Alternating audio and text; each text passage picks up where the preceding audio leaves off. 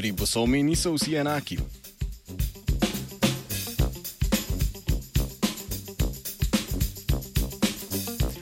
Ribosomi so skupki beljakovin in ribosomske RNA. Udeleženi, udeleženi so pri sintezi beljakovin tako v preprostejših bakterijah, kot tudi v človeških celicah.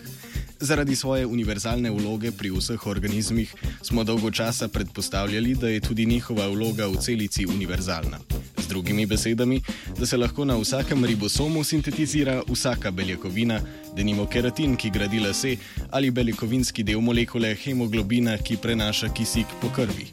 Vendar raziskava, objavljena v znanstveni reviji Cell, nakazuje, da niso vsi ribosomi v sesalskih celicah enaki, ter da na določenih tipih ribosomov nastajajo le določene beljakovine.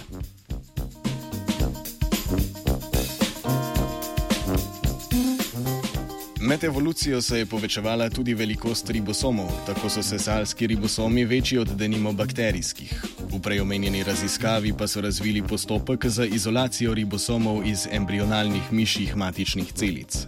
Znanstvenike in znanstveniki so na to z metodo imenovano masna spektrometrija lahko določili, katere molekule so povezane z ribosomi.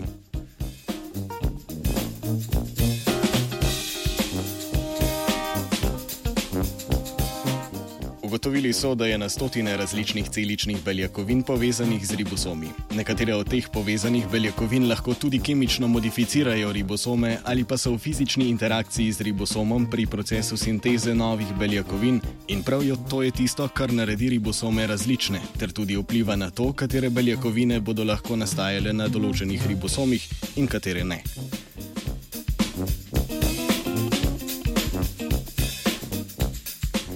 Pomočjo ribosomov sintetizira beljakovine tudi Angelika. Radio študent.